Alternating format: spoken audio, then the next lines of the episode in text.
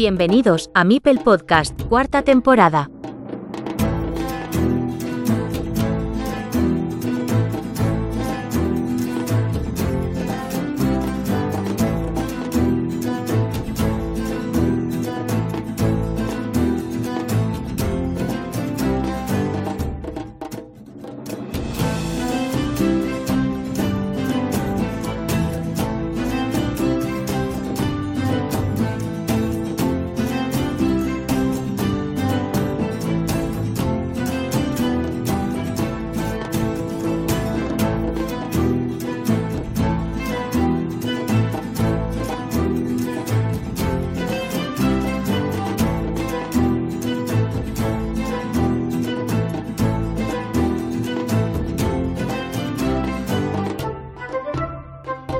Hola amigas y amigos, bienvenidos todas y todos a Mipel Podcast.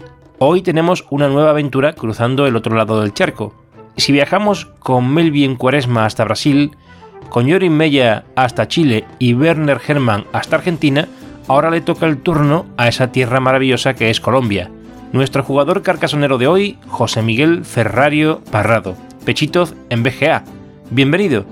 Hola Joaquín, gracias por la invitación. ¿Qué cosa crees que la mayor parte del mundo no conoce de Colombia? Porque se habla mucho del café, que es algo bueno obviamente, también se habla de la cocaína y del narcotráfico, que es algo ya más negativo, pero Colombia guarda seguro muchos secretos que la gente de a pie no conoce, salvo aquellos que viajan por vez primera a este maravilloso país. Es cierto, Colombia muchas veces es asociada con café o con drogas, lamentablemente pero tal vez no se conoce mucho, bueno, por un lado la biodiversidad que hay aquí en Colombia, que es impresionante, también la diversidad cultural y, y bueno, también diría la amabilidad de la gente y la comida, por supuesto, que es muy rica. ¿Cómo ha sido tu salida triunfal de esa jornada en la que conseguiste alzarte con la victoria del Nacional de Carcasón? Cuéntanos tu periplo. Oponentes, dificultades, anécdotas. Fue una jornada dura ese día del Nacional aquí en Colombia. En la primera ronda tuvimos cinco partidas, si no estoy mal. De esas cinco partidas perdí una pero afortunadamente pasábamos 16 personas, creo, 16, 16 de más o menos 30, creo que eran, tal vez un poco más de 30. esta primera ronda tenía una buena posibilidad de, pasar, entonces daba un poco de margen para, para una derrota. Y ya después viene, vino una fase de eliminación directa, donde mi primer oponente fue el anterior campeón nacional, Sergio, que en BGA se llama Dremcat, creo que uno de los mejores jugadores de Colombia. En esa partida la verdad tuve mucha suerte y gané por muy pocos puntos. Creo que fue la partida más difícil de todo el nacional para mí. Sin quitarle dificultad a todas las otras, por supuesto, pero en esta sí creo que la suerte me ayudó mucho. Ya después, bueno, otra partida muy dura contra Alexander, que en BGA se llama Target. Y la final con, contra Nicolás, un jugador nuevo en, el mundo de Carcassonne en Colombia, al menos en, en, en lo que respecta al equipo que representó internacionalmente en el Mundial y en los torneos nacionales anteriores. ¿Cuál es la expectativa ante el Mundial? Vas a conocer a los mejores jugadores del mundo y curiosamente vas a cruzar el Atlántico para encontrarte con paisanos latinos que están más cerca de tu tierra que de aquella lejana para vosotros que es la nuestra, Europa. Bueno, si el torneo nacional fue difícil, el mundial creo que va a ser mucho más difícil. Ya tuve la oportunidad de estar en un mundial en 2017 el primer año que se hizo un torneo nacional aquí en, Colombia, un torneo nacional de Carcassonne. Esa vez me fue más o menos, quedé como, como de 20, entre 40, si no estoy mal. Mi expectativa o, más bien, bueno, mi primer objetivo sería superar esa posición y por supuesto tratar de quedar entre los ocho primeros para, bueno, en la primera ronda para luego tener una oportunidad de llegar a la final. Sé que es muy difícil y también sé que hay que tener algo de suerte. Espero que ese día la suerte esté de mi lado.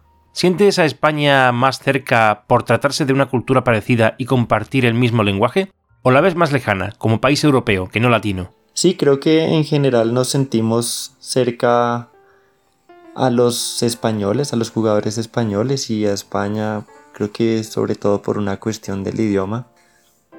Tal vez, tal vez nos sentimos un poco más cerca entre jugadores suramericanos o centroamericanos, pero pero obviamente la cercanía con España es mucho más que con cualquier otro lugar del mundo que no sea Latinoamérica. Entonces sí, creo que siempre hemos tenido una buena relación con los españoles. En España hay quien te idolatra. Tenemos al jugador Juliano Apóstata que siempre habla bien de ti. No sé si por el nick o por qué. Por cierto, ¿qué significa tu nick? Mejor entenderlo que no interpretarlo equivocadamente. Uy, qué sorpresa. Qué sorpresa que se acuerde, que se acuerde de mí algún, algún jugador español. Yo por supuesto también recuerdo a Juliano, apóstata, hemos jugado en BGA algunas veces. Creo que también me he enfrentado con Estroncio y otros que en este momento no, no se me vienen a la cabeza. Pero bueno, chévere, un saludo para todos. Bueno, mi nick, mi nick en realidad es un nick de reemplazo porque mi nick original, que era Sex Lexic, fue baneado porque alguien lo consideró ofensivo, o al menos eso fue lo que me dijeron en BGA. Este Sex Lexic es una referencia a la serie de televisión Futurama. La dice un personaje que me parece muy muy chistoso, que de hecho también es mi imagen en BGA, este personaje de Futurama. Seguro alguien, alguien lo reconoce. Y bueno, y Pechitos. Pechitos es solo pues, un, nick de reemplazo que también me parece gracioso.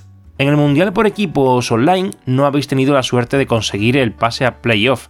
Os habéis quedado en la fase de grupos justo en el cuarto puesto, pero también es mala suerte encontrarte emparejado con los jugadores rusos, los brasileños y los taiwaneses, todos potencias de son competitivo. Sí, lamentablemente en el Mundial por equipos estuvimos muy muy cerca de pasar a la siguiente fase.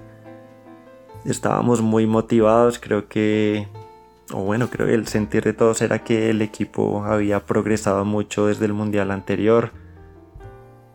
Estábamos un poco más preparados, el equipo tenía más profundidad. Es decir, contábamos con más jugadores con recorrido y con buen nivel. Lamentablemente sí, no. Un par de, partidas que creo que fue contra Taiwán, no me acuerdo. Bueno, no contra Taiwán, sí perdimos como 4-1, pero contra Rusia quedamos 3-2, estuvimos cerca. Nos faltó muy muy poco para, para haber ganado un encuentro más que tal vez nos hubiera nos hubiera dado la, la clasificación a la siguiente fase.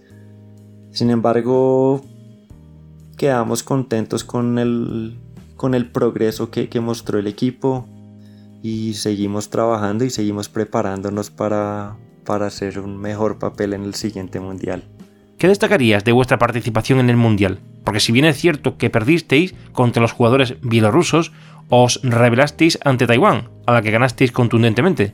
Es cierto, es cierto, a Taiwán sí le ganamos fue contra Bielorrusia contra quien perdimos. Esa fue la como uno de nuestros rivales directos, digamos. Bueno, no todos eran rivales directos. Pero alguien a, quien esperábamos ganarle, al que íbamos con toda la confianza y, perdimos, perdimos. Bueno, no, tan estrepitosamente, pero sí, pero sí inesperadamente para nosotros y fue, un golpe muy duro. Mm, algo que quiero destacar de nuestro equipo fue, el, fue el rendimiento de un jugador nuevo, pues nuevo en el mundial al menos, él se llama Salvador. Su nick es Salva 3XZ creo. Él creo que, bueno, creo que no, estoy casi seguro de que él fue nuestro mejor jugador. Le ganó a muchas, muchas leyendas dentro de Carcassonne.